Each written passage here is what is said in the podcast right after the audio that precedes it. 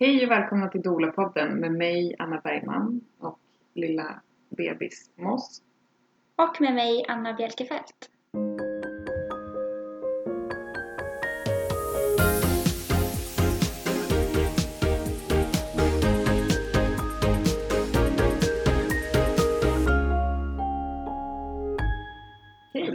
Jag bara sätter igång den här och så kör vi vartefter vad vi tycker att vi vill börja. Idag ska vi alltså prata om den mentala förberedelsen inför en förlossning. Och vi har suttit en del med den här planeringen av den här avsnittsförberedelserna och eh, insåg att det är ganska svårt att dela upp det här praktiska och eh, fysiska med den mentala förberedelsen. Mm. Det är lite svårt att säga att det är olika saker för de går ju absolut ihop. Och är, eh, det är lite tokigt att man separerar dem men vi ska göra ett försök och eh, sända ett avsnitt om eh, den mentala förberedelsen och den mer fysiska och praktiska förberedelsen. Mm. En förlossning eh, är ju eh, eh som sagt inte en, bara en eh, fysiologisk händelse utan en, i allra högsta grad en, en mental och en eh, kanske spirituell eller existentiell händelse också. Och alla de här bitarna hänger ju ihop eh, och förberedelserna hänger ju också ihop som man sa. Mm, precis. Och eh, som röd tråd hade vi väl tänkt ha lite varför det är viktigt att förbereda sig mentalt. Och eh, försöka fokusera på att eh, de här typerna av förberedelser ska funka för alla typer av förlossningar. Så att man inte har det här är en förberedelse som gäller om det blir kejsarfödsel, det här är en förberedelse om det blir en vaginal förlossning med epidural, det här är en utan och så vidare. Utan att de här ska gå att eh, applicera på olika typer av födslar. Mm. Eftersom att en eh, förlossning är ju i sig själv eh, oförutsägbar. Det är Mm. liksom själva naturen i en förlossning, att man inte riktigt vet vad som kommer hända. Så mycket av den mentala förberedelsen går ju ut på att förbereda sig för det okända och hur jag kommer hantera det. Och när vi möter föräldrar då kan man, jag tycker att man kan se liksom lite olika typer av eh, ingångar eller tankar kring det här med att förbereda sig. Man möter den gruppen, om man generaliserar lite, eh, som är såhär, nej men jag vill inte förbereda så mycket, mig så mycket, jag vet ändå inte hur det kommer att bli, jag vet inte hur jag kommer att känna. Och, eh, att man håller lite ifrån sig. Och sen möter man kanske ganska ofta en grupp som har läst på väldigt, väldigt mycket. Många av dem anlitar ju Mm. oss eh, som en del av förberedelserna inför att föda. Och många av dem kan ju också vara kanske ganska inställda på att så här vill jag ha det. Men, Mm. eh, men också att det finns en ödmjukhet i att det kan komma att ändra sig. Mm. För det är ju toppen att veta hur man vill ha det. Det är ju jätte, jätteviktigt. Det är ju Mm. också en del i att känna sig själv och att veta Mm. vad, som, vad man behöver för att kunna klara av det på bästa sätt. Ja, jag tycker att man, man ger sig själv den här egenmakten när man börjar tänka okej, men vad är viktigt för mig och vad brukar fungera på mig om jag blir väldigt arg i vanliga fall och vilka saker runt omkring mig vet jag brukar påverka mig positivt och Mm. negativt. Precis. För där har man ju ofta väldigt mycket med sig, eh, bland annat från sin relation om man är i en relation. Mm. Att eh, partnern vet ganska ofta hur den födande kan bli lugnare eller vad som kan irritera. Mm. Och det är ju liksom kunskap och, och kännedom om varandra som man har väldigt nytt, stor nytta av när man föder barn. Mm. Åt båda håll tänker jag. Kvinnan kan ganska ofta säga att det här är väldigt viktigt för min partner. Eh, om hen inte får sova så blir hen så här. Mm. Eh, det tycker jag är ganska vanligt. Och Mm. de allra flesta nämner ju det som anlitar oss också. Att det är jätteviktigt att eh, hen får äta och sova och liksom Mm. ta hand om sig. Och det är ju en jättestor del av dolans jobb att se till att, att Ja. partnern också mår bra. Ja. Precis. För partnern går ju, även om partnern inte går igenom den fysiska upplevelsen så märker man ju de andra delarna på avförlossningsupplevelsen på partnern. Liksom. Mm. För det är en jättestor grej att gå igenom. Mm. Även om man inte föder barnet rent fysiskt. Liksom. Så där behöver man ju också, där kan man också behöva, alltså en partner behöver ju också förbereda sig. Mm. Jag tänker nästan att partnern är den som behöver förbereda sig mest inför förlossningen. Kvinnans kropp vet hur den ska föda. Det kvinnan behöver träna på, tänker jag, är att mm, liksom våga lita på det Mm. och träna sig på att, att följa kroppen och slappna av och de här bitarna som vi ska prata mer om. Men partnern uttrycker ganska ofta att men jag är så lugn av mig och jag blir inte så lätt stressad och ja, jag, jag kommer bara stå bredvid eller ja, man kanske säger, känner att ja, men jag kommer vara, jag känner mig lite maktlös, jag, ju, jag vet inte riktigt vad jag ska göra och sådär. Mm. Jag tänker att vara lugn räcker tyvärr inte så ofta. Nej, kanske inte om man... Kanske särskilt om man inte vet vad det är som kan trigga en eller vad det är som... Jag tänker att det kan hänga ihop med att man ser på födande i vår kultur som någonting främst medicinskt eller Ja. fysiskt. Och då, om man inte har varit med på en födsel förut så kanske man tänker att så här, men det, är- jag är lugn. Det, man tänker att det ska vara någonting fysiskt som händer. Ja, Och man, ser, man tänker inte på att det kommer vara kanske en jätteutmaning på andra sätt. liksom. nej.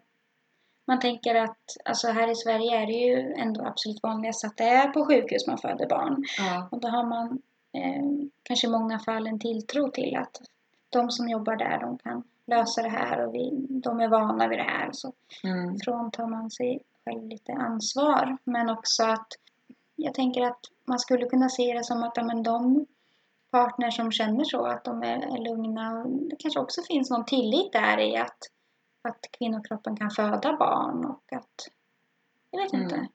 Eller om det är att det finns en rädsla i att, att eh, vara otillräcklig eller liksom inte förbereda sig på rätt sätt eller Mm. förbereda sig men ändå känna att man misslyckas. Mm.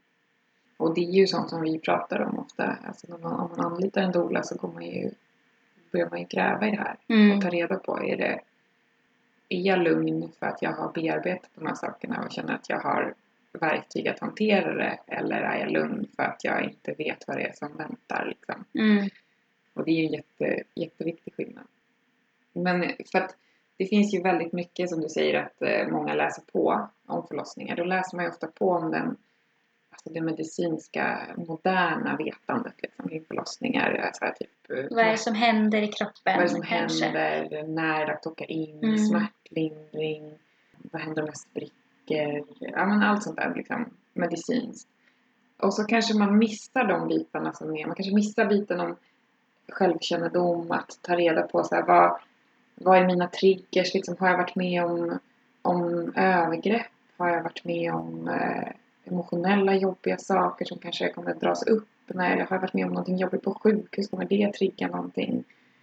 Så här, tycker jag att det är jättejobbigt när någon säger till mig så här, Gud vad du är duktig eller eller älskar jag att höra när någon säger att jag är jätteduktig. Liksom. Och så, så att Mm. man, så att man eh, också liksom medvetandegör den självkännedomen inför sig förlossningen. Mm. Det är ett ganska stort arbete. Jag tänker att det kommer inte Mm. alltid naturligt för att man blir gravid. Men många gravida, om man bara ser till de som jag eller vi möter, de start, det startas ju ofta någonting. I de allra flesta av dem skulle jag säga startar det någonting när de blir gravida. Eller när de Mm. börjar liksom tänka lite längre än att jag är gravid, min kropp förändras. Någonstans under graviditeten, ofta liksom kanske när halva graviditeten har gått, lite beroende på om man är förstis eller omföderska. Men Mm. att det startas någonting när man börjar tänka på eh, förberedelse inför en förlossning Mm. och att det också är en, en förberedelse inför att bli förälder som, Mm. som båda föräldrar om man är två. Att man börjar se sig själv som förälder. Mm. Och tänka hur var det när jag var liten? Vad har jag för... Man börjar liksom tänka på sina rötter. Mm. Och vem, var man kommer ifrån. Förhoppningsvis så gör man det när man är gravid. Mm. Annars skulle jag säga att det kommer ganska fort efter förlossningen. Ja. Att det blir liksom som en intensiv inskolning. ja. Och att man liksom jag kan bara referera till mig själv, liksom att man började tänka på sin relation till sina föräldrar och hur de har agerat i olika situationer. Mm. Det var en sån sak som jag började Mm. fundera mycket på när, när min son växte liksom upp de Mm. första två åren speciellt. Att hur gjorde mina föräldrar när det blev så här och Mm. vad tyckte de om när jag var i den här perioden och i den här åldern. Precis. Mm. Och det, sånt kan ju komma upp under förlossningen. Om man till exempel har en, vi pratade lite om det här innan inspelningen, den, eh, den allra första för, förlossningsförberedelsen börjar kanske redan när man är liten. Mm. Alltså den omedvetna präglingen som man har kring ens kropp, Eh, kring födande, har man, vad har man hört för historier från kanske filmer eller hur har ens mamma berättat om hur det var? Vad eh, har man kanske sett sen? Någon katt som föder barn och det var det första man lärde sig om så här förlossningar. Den, den omedvetna förberedelsen som man inte har medvetandegjort kan ju komma upp under förlossningen. Till exempel kanske man alltid fått höra att man inte ska skrika och bråka eller man ska inte störa folk i onödan eller man ska inte vara till besvär. Och då under förlossningen så kan ju det stå i vägen för en själv om man känner att man faktiskt behöver vara till besvär eller man Verkligen. behöver skrika och bråka för någonting dök upp som gjorde att jag behövde den reaktionen. Liksom. Mm.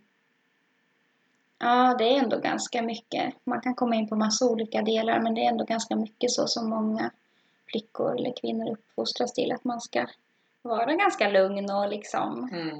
medgörlig på många sätt. Och, En duktig patient. Liksom. Ja, man ska vara eh, en, en icke besvärlig patient. Mm. Och eh, det var intressant när vi var på eh, DOLA-konferens nu för ett tag sedan, eller jag var där i Jönköping, då pratade de om eh, oxytocin och det här syntetiska oxytocinet, att eh, under en förlossning så är eh, mamman har så mycket hormonpåslag och den vad ska man säga, normala hormonbalansen är är förändrad under en förlossning och då har man en har man tendens till att vara ännu mer medgörlig. Mm. Och eh, rent liksom hur det, varför det är så eller varför man tror att det är så. Eh, man tror att det har att göra med att man öppnar upp sig för att man ska möta sitt barn. Att Mm. man ska vara uppmärksam på Mm. behov och uttryck från någon som man ska tillfredsställa. Precis. Och då blir man kanske så redan under då blir man så under förlossningen vilket Mm. tyvärr eh, kan vara till ens nackdel. Mm. Det är ändå ganska många kvinnor som säger ja men hur mår du, hur känns det för dig till sin Mm. partner? Fast man är i ett jättestarkt eh, liksom, situation med, Mm. med starka sammandragningar kanske och en, liksom, Mm. en stor förändring i ens kropp och ett enormt arbete och Mm. den här mentala biten som Mm. pågår hela tiden under en förlossning. Och så länge man blir behandlad, så länge man får samma sak tillbaka, så länge man får omhändertagande tillbaka så är det ju allting bra liksom. Det är jättehärligt om hela rummet bara är fyllt av oxytocin och kärlek och omhändertagande liksom. Men eh, absolut, som du säger, man är ju på en väldigt, väldigt sårbar plats. Mm. Och att det här då syntetiska oxytocinet är ju en, en inom parentes men att det gör en ännu mer willing to please pratar man om. Mm. Vilket jag tycker är jätteintressant att, att fundera kring. Eh, Men annat vad man har för föreställningar om sin kropp som vi nämnde, det tycker jag också är superintressant och någonting som man kan fundera på under graviditeten och som man också kan fundera på i förhållande till sex och, eh, och till födande. Mm. Man har med sig väldigt mycket från vad man har sett på TV om födande. Det är ofta en ganska enkelriktad, en, liksom en Mm. Bild som man Mm. möts av om man Mm. bara tänker på vad som visas. Inte när man faktiskt tar aktiva val. Okej, men nu ska jag titta på den här filmen om förlossningar. Mm. Så vet man att den är mer spirituell eller eh, en mer eh, fysiologisk förlossning som visas. Annars, jag bara tänker så här, men vad är det som jag har med mig om att föda barn? Ja, men då är det att pang, vattnet går, alla får panik, man åker i 200 km timmen till sjukhuset och så ligger man på en säng och skriker tills barnet är Ja, fött. Det är liksom, I inställning. ja, det är liksom exakt Ja. den bilden som jag hade om förlossningar och sen var jag ju intresserad eh, av förlossningar redan innan jag blev gravid såklart eller så men att det ändå eh, jag var tvungen att kolla på ganska mycket och läsa ganska mycket för att liksom ändra den väldigt djupt fästa Mm. bilden. Mm. För att eh, återknyta lite till den röda tråden Mm. som vi hade i början här. Att eh, varför är det viktigt att förbereda sig för, för, inför, mentalt inför förlossningen? Eh, nu har vi pratat lite om det men det kan kännas när man är gravid som att förlossningen är målet liksom. Men förlossningen är ju början också. Det är också målet av graviditeten. Men det är början på föräldraskapet. Och man vet att hur att förlossningsupplevelsen påverkar föräldraskapet jättemycket. Speciellt liksom den akuta postpartum-tiden eller den liksom omedelbara, kanske jag ska säga, postpartum-tiden. Men också längre fram. Alltså det påverkar din anknytningen, det påverkar hur du mår, hur din Alltså risken för postpartumdepressioner ökar om du har haft en jobbig upplevelse. Och eh, du kan ju ha en, en medicinskt helt okomplicerad förlossning och ändå ha ett trauma. Ja, det, de, möter, de kvinnorna möter vi ganska ofta och det är ju de här med, med sekundär förlossningsrädsla eh, som har fött barn och var inte rädda inför första förlossningen men blev rädda inför andra. Mm. Och att eh, man kollar deras journaler så ser, ser det ut som att det var helt normalt. Mm. Och medicinskt var det ju kanske det. Det blev Mm. inga komplikationer av epiduralen och eh, hon hjälptes av att få verkstimulerande dropp och eh, hon fick inte fjärde gradens bristning av sugklockan. Mm. Men eh, Barnet mådde bra. ja, precis. Barnen Andningen fick kanske bra. fungerade. Allting kanske var precis så. Men mamman mår dåligt liksom. Exakt. Och då är det många sådana kvinnor som, den gruppen av kvinnor som kontaktar oss Mm. som eh, behöver en annan typ av, eh, av stöd och förberedelse inför andra födseln. Mm. Och först av allt tänker jag att det är fantastiskt att man efter en sån upplevelse där man blev kanske traumatiserad eller överkörd eller vad det nu kan vara, att man ändå bestämmer sig för att mm, man har en stark längtan efter att få barn igen och man vill ta tillbaka makten på Mm. något sätt. Det är modigt. Det är väldigt modigt. Och som Anna nämnde här att eh, trauma också bäddar för en depression. Det är ju någonting som det kan vara ganska lätt att man skjuter det ifrån sig och tänker att "Nej, men, min mamma hade ingen förlossningsdepression, jag har aldrig haft depressioner tidigare i livet. Och man går in med en inställning att eh, men, som, som ändå är sund, att kvinnokroppen kan föda. Men där tror jag att det är den här typen av förberedelse, den mentala förberedelsen, både för kvinnan som ska föda själv men också tillsammans med om det finns en partner.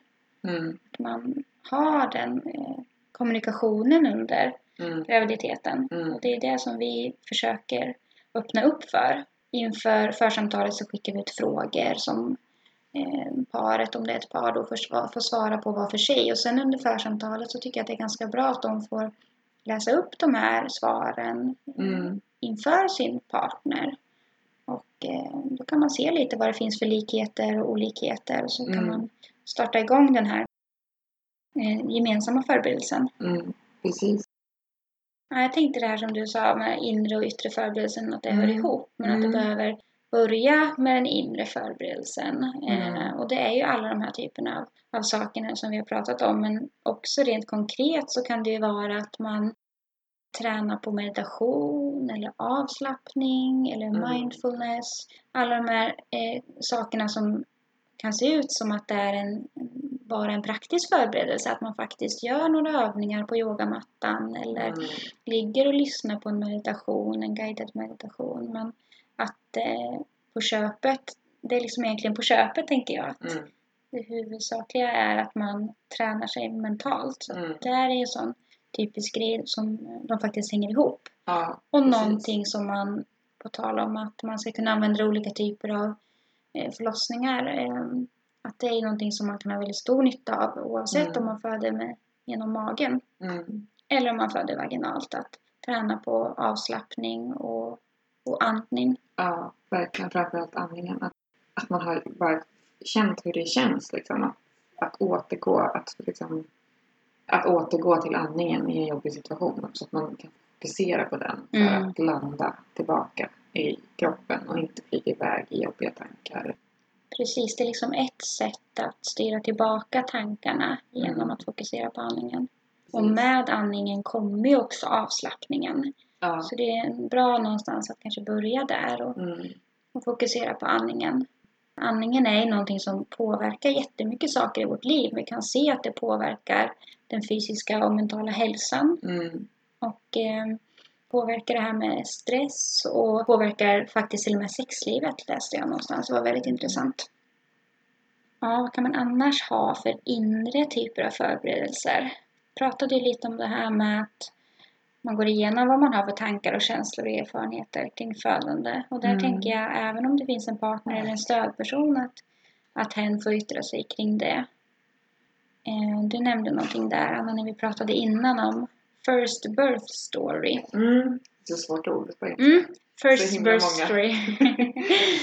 Precis. Eh, och det, det är en övning för att eh, medvetandegöra sin, den, liksom, den, den, den allra första förlossningsberättelsen. Alltså typ mitt första förlossningsbrev som Mm. jag omedvetet skrev när jag var liten.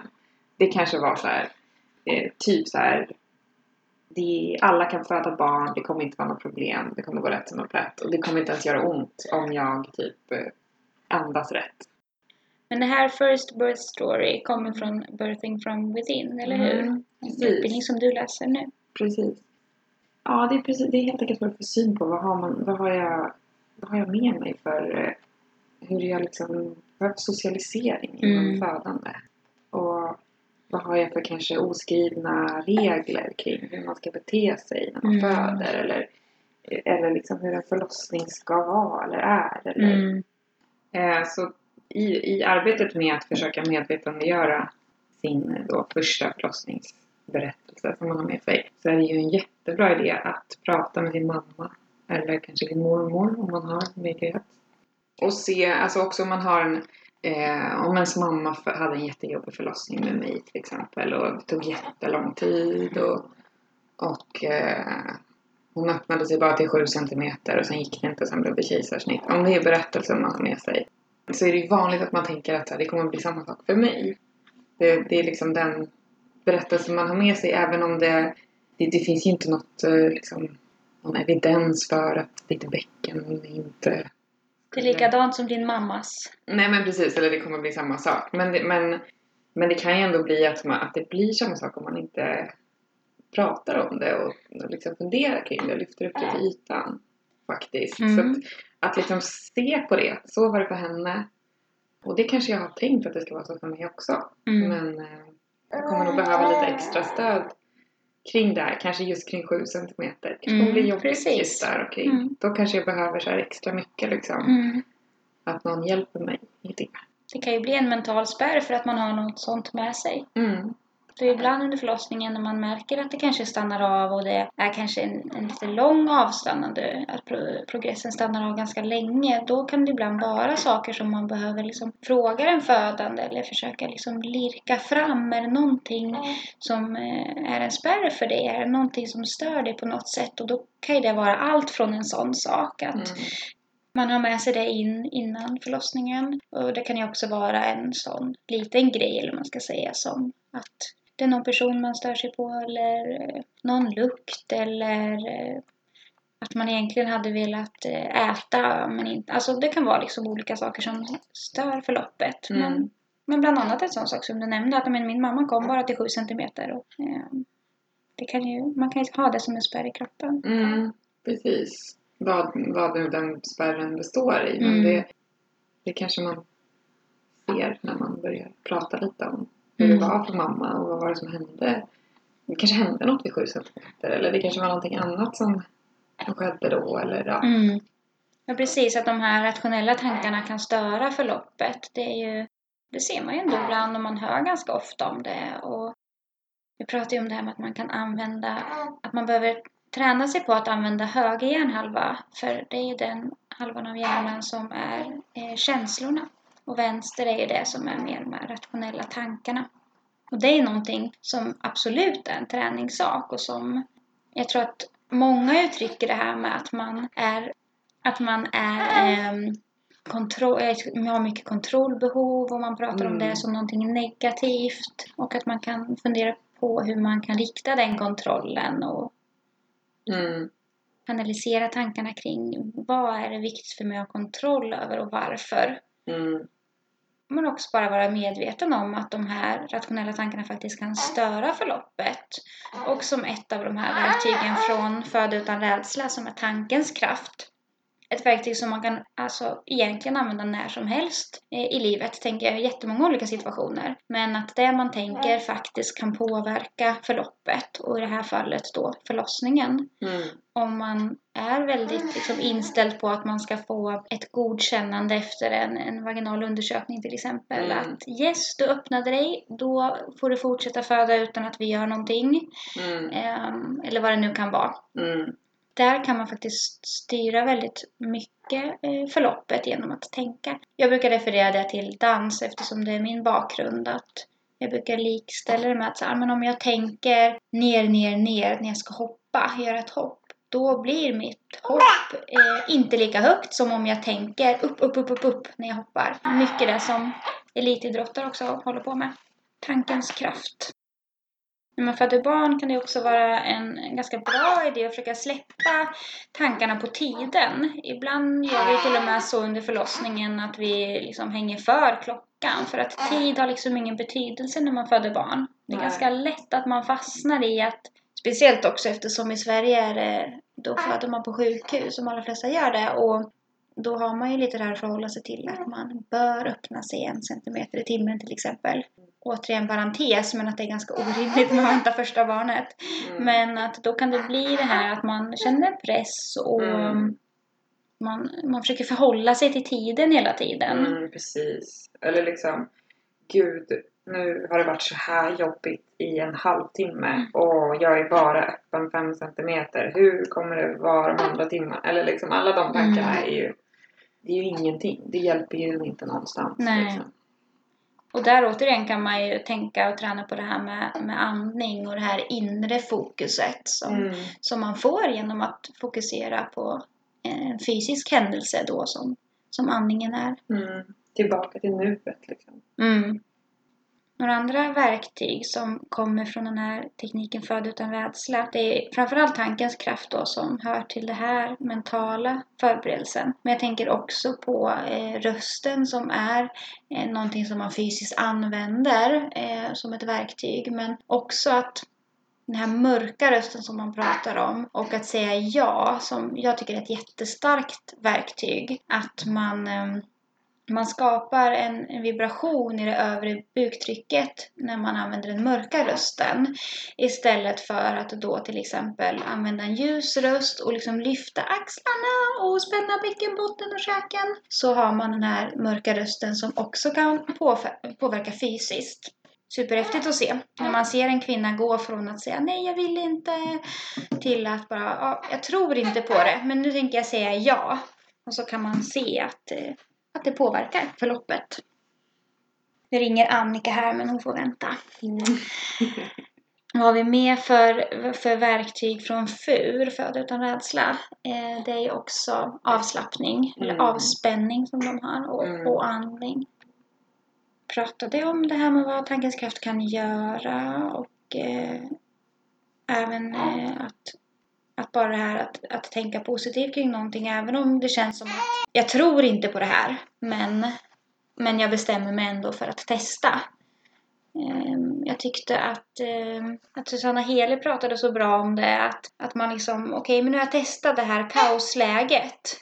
Ehm, och nu är det någon som bara, okej men du kan stanna i det här kaosläget eller du kan bestämma dig för att tänka positivt och, och följa med. En eh, övning som man kan göra för att eh, medvetandegöra sina tankar som man är benägen att ha är att man, eh, man håller, i, håller i is under en 60 sekunder, lika långt som en verk är ungefär genomsnittligt. Och det är ju lite smärtsamt och lite jobbigt. Ingenting i jämförelse egentligen men, men eh, man kan prova det. Hålla i is under en minut och se vad som händer med ens tankar. För att få syn på någonting som man kan kalla för ett för monkey chat. Som jag tror är en buddhistisk term egentligen. Alltså Mm. se vad man har för vad, som, eh, vad, vad man är benägen att säga till sig själv när det blir jobbigt liksom, när man är pressad. Kanske säger man så här, det här det det här går inte, jag är säkert fel. Jag kommer inte kunna hålla en minut, jag kan lika gärna ge upp. Eller vad är poängen med det här? Inte på riktigt ändå. Eller, eller vad det nu är för tankar som dyker upp. Man får liksom en, lite en, eh, en nyckel till kanske vad man, vad man är benägen att eh, säga till sig själv. Mm. Ja, och man får ju också, tycker jag, då en kanske tydligare bild av eh, Ja, men det handlar ju om ens självbild och självförtroende ganska mycket. Vad man Mm. liksom tror om sig själv och sin förmåga att klara av saker. Mm. Man inte har jättestark tillit till det, men att man kanske har en bild av att, att man har det. Ja, precis. Affirmationer är ju också en grej som man kan använda under graviditet och förlossning. Till exempel om man eh, inte känner så stor eller stark tilltro till att man kan föda eller att man inte liksom litar på kroppen eller att man är väldigt rädd eller sådär. Så kan man eh, till exempel, jag hade en kvinna som var väldigt förlossningsrädd och sådär att så fort vi pratade om att föda barn så bröt hon ihop och, och grät. Liksom. Då jobbade hon, eh, det kom hon faktiskt på själv, för då hade jag dolat ganska många men inte jag hade inte dolat så många som var liksom verkligen riktigt förlossningsrädda. Vilket många kanske tror att det är anledningen att man anlitar en dola. Men jag hade kanske dolat 15 födande och det här var någonstans där mellan 15 och 20 och hon var väldigt rädd. Och då kom hon själv på att eh, ja, men jag ska använda mig av affirmationer. Jag tror att vi pratade om det och sen så började hon själv sätta upp lappar i lägenheten där det stod olika saker som hon läste varje dag. Och eh, hon uttryckte ganska tydligt att jag märkte det också på sista församtalet att hon var så mycket coolare och, och lugnare. Hon bröt inte ihop och man såg inte paniken i hennes ögon när vi pratade om, om förlossningen. Då hade hon till exempel skrivit eh, Jag litar på min kropp. Min kropp kan föda. Jag är eh, kapabel att föda och min kropp är fantastisk. Och jag har stöd, jag behöver inte vara rädd. Alla de här sakerna som kan kännas väldigt så här coachigt och liksom käckt typ. Men det är som att säga till sig själv i spegeln varje dag, så här, jag är snygg. Och till slut tittar man sig i spegeln och bara, fasen jag är nog rätt snygg alltså. Man kan liksom styra Mm. tanken och liksom, Mm. Omprogrammera. ja, omprogrammera. Ja. Ehm, vi pratade om att eh, det finns lite olika typer av affirmationer. Att det finns något som kallas för icke-outcome-based affirmationer och ehm, det handlar ju mer om att man eh, till exempel eh, skriver ner affirmationer eller tänker affirmationer som inte har att göra med eh, outcome-based, hur översätter man det? Leder inte till ett resultat eller liksom Precis, vi har liksom inte en, eh, en tydlig... eh, ett mål Tydligt mål, eller... liksom, Nej, precis. Eh, och det kan ju till exempel vara mer ehm, min kropp vet, det har inget med att göra målet utan man, man tror på kroppen. Och det kan Mm. också vara jag känner tilltro till processen, Mm. jag precis. vågar. Sen, eh, vi tänkte, vi har delat in det här lite med mental förberedelse på inre och yttre. Och ehm, en yttre förberedelse som jag tänker på det är ju oxytocin, ett ett lugn och ro och må bra-hormon som vi pratar väldigt mycket om när vi dolar och i arbetet med våra klienter. Det här hormonet är ju det som jobbar främst under förlossningen och eh, som samarbetar med andra hormoner i kroppen. Men oxytocinet är det som stimulerar verkar. Det är också det som är smärtlindrande.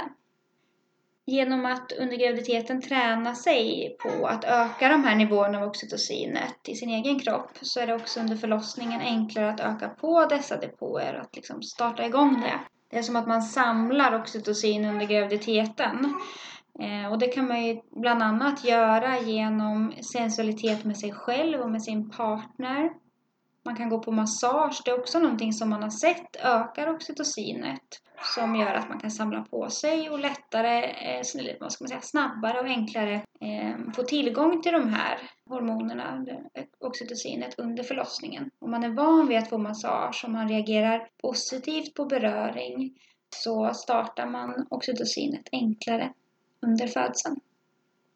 Förutom massage och den här sensualiteten så är det ju överhuvudtaget mys och sex och avslappning Och det i sin tur ger också en, en självkännedom som är, kan vara väldigt hjälpsamt under förlossningen. Födandet är också en, en del av kvinnans sexualitet och jag tycker att det är någonting som man pratar väldigt lite om och som ja, vi, vi får rikta in det och ha det som en, eh, ett helt eget avsnitt. Ja, precis. Så oxytocinet kommer vi också prata mer om för det är ju ett fantastiskt hormon som eh, den gemene mannen kanske inte vet så mycket om, gemene kvinnan får man väl säga. I övrigt finns det ju yttre förberedelser som är de här lite mer, det är kanske praktiskt att man läser en bok, eh, men det är också en, en typ av mental förberedelse för man, man kan liksom omprogrammera hjärnan genom att eh, ändra de här bilderna av hur man tror att en förlossning är och vad det innebär. Och, och förstå den här vidden av att det är mycket mer än, än det som händer fysiskt och eventuellt medicinskt. Att den här mentala resan förändringen är eh, för de allra flesta väldigt påtaglig. Vi tänkte bara nämna några böcker som vi tycker är väldigt bra. Jag tycker inte att man måste läsa 53 böcker. Men har man lätt för att läsa så, och tar till sig det och tycker att det är en bra förberedelse för just dig så absolut. Men Föda utan rädsla tycker jag är en väldigt bra bok för den är eh, lättillgänglig och eh, lättläst och eh, finns även en en liten del som är till partnern eller stödpersonen. Men jag tycker självklart att partnern eller stödpersonen ska läsa hela. Då kan man också träna på de här verktygen som eh, man sen kan använda under förlossningen. Har man en dola så kan ju hon guida i det och, och vägleda och stötta och föreslå. Men kroppen behöver ändå liksom känna igen den här typen av arbete som man gör med de här eh, verktygen under en förlossning så kan ju också partnern läsa eh, kvinnan, eller stödpersonen kan läsa kvinnan på olika sätt. Hur det, hur det går just för henne eh, att, att möta kontraktioner eller verkar. Eh, då kan det vara ganska bra att ha läst lite hur, hur det går till under en förlossning för väldigt många och vad som händer mentalt och hur det kan ge uttryck genom kroppen. En annan bok är ju Att föda som väldigt många läser av Gudrun Abascal. Den är också väldigt bra och eh, basic men eh, absolut inte tråkig. Birth Partner är en bok som vi läser under utbildningen när man utbildar sig till doula och den tycker jag är jättebra då för stödpersonen eller partnern att läsa för att få lite mer förståelse för hur viktig del man som person som står bredvid, hur viktig del den är i under födandet. Aina May Gaskins Guide to Childbirth eller Aina Mays Guide to Childbirth är också en helt fantastisk bok tycker jag med flera förlossningsberättelser och mer fokus på det här eh, mentala och spirituella och det som händer inuti kvinnan när hon föder och eh, blir mamma. Natural Birth, A Holistic Guide to Pregnancy, Childbirth and Breastfeeding, eh, som jag tipsat om innan, är också en jättefin bok om att förstå mer och komma i kontakt med eh, sig själv som födande. Sen finns det ju ganska mycket poddar, eller väldigt mycket poddar inom det här området som man kan lyssna på. Och det är såklart vår egen podd som ni lyssnar på just nu. Men det finns ju också Förlossningspodden och eh, några engelska poddar som bland annat The Positive Birth Story Podcast eh, som handlar om den är på engelska men det är kvinnor som har fött i Sverige. Den är också väldigt bra. Poddar är ju ofta väldigt mycket mer tillgängligt eh, än att eh, man sätter sig ner och läser en bok. Så det kan man kolla upp lite mer. Men det är också en typ av mental förberedelse att höra olika kvinnor och olika människor prata om sina förlossningsupplevelser. Jag tyckte också att när jag var gravid att det blev ganska tydligt hur många som berättade om sina förlossningsupplevelser berättade om hur det var mentalt och hur det kändes och hur det upplevdes. Det var liksom, i de allra flesta berättelser jag hörde i poddar var det fokuset och jag var nog förberedd på att höra mer om hur förlossningen liksom gick till rent så praktiskt och fysiskt eller vad man ska säga. Men det var lite överraskande för mig och eh, positivt Sen finns det självklart massa filmer och Youtube-klipp och vi tänkte att vi kan länka till några av de här som vi brukar skicka iväg till våra klienter, vad man kan titta på för att också bli stärkt inför en förlossning. Att titta på filmer där kvinnor eh, föder barn och där, där människor blir föräldrar som är, eh, har en mer positiv, eh, ska man säga, touch. Vi skulle ju kunna säga jättemycket mer om det här med mental förberedelse men vi länkar till lite saker som sagt i avsnittstexten. Och ni får jättegärna höra av er till oss. Via kontakt dolagruppen.se och ställa frågor. Eller boka in eh, bara för eh, förberedelsesamtal. Så även om man inte är intresserad av att ha en dola så kan man anlita en dola för att ha eh, de här förberedelserna som vi annars eh, jobbar med, med klienter som anlitar oss. Tack så jättemycket för att ni lyssnade. Vi hörs snart igen. Hej då!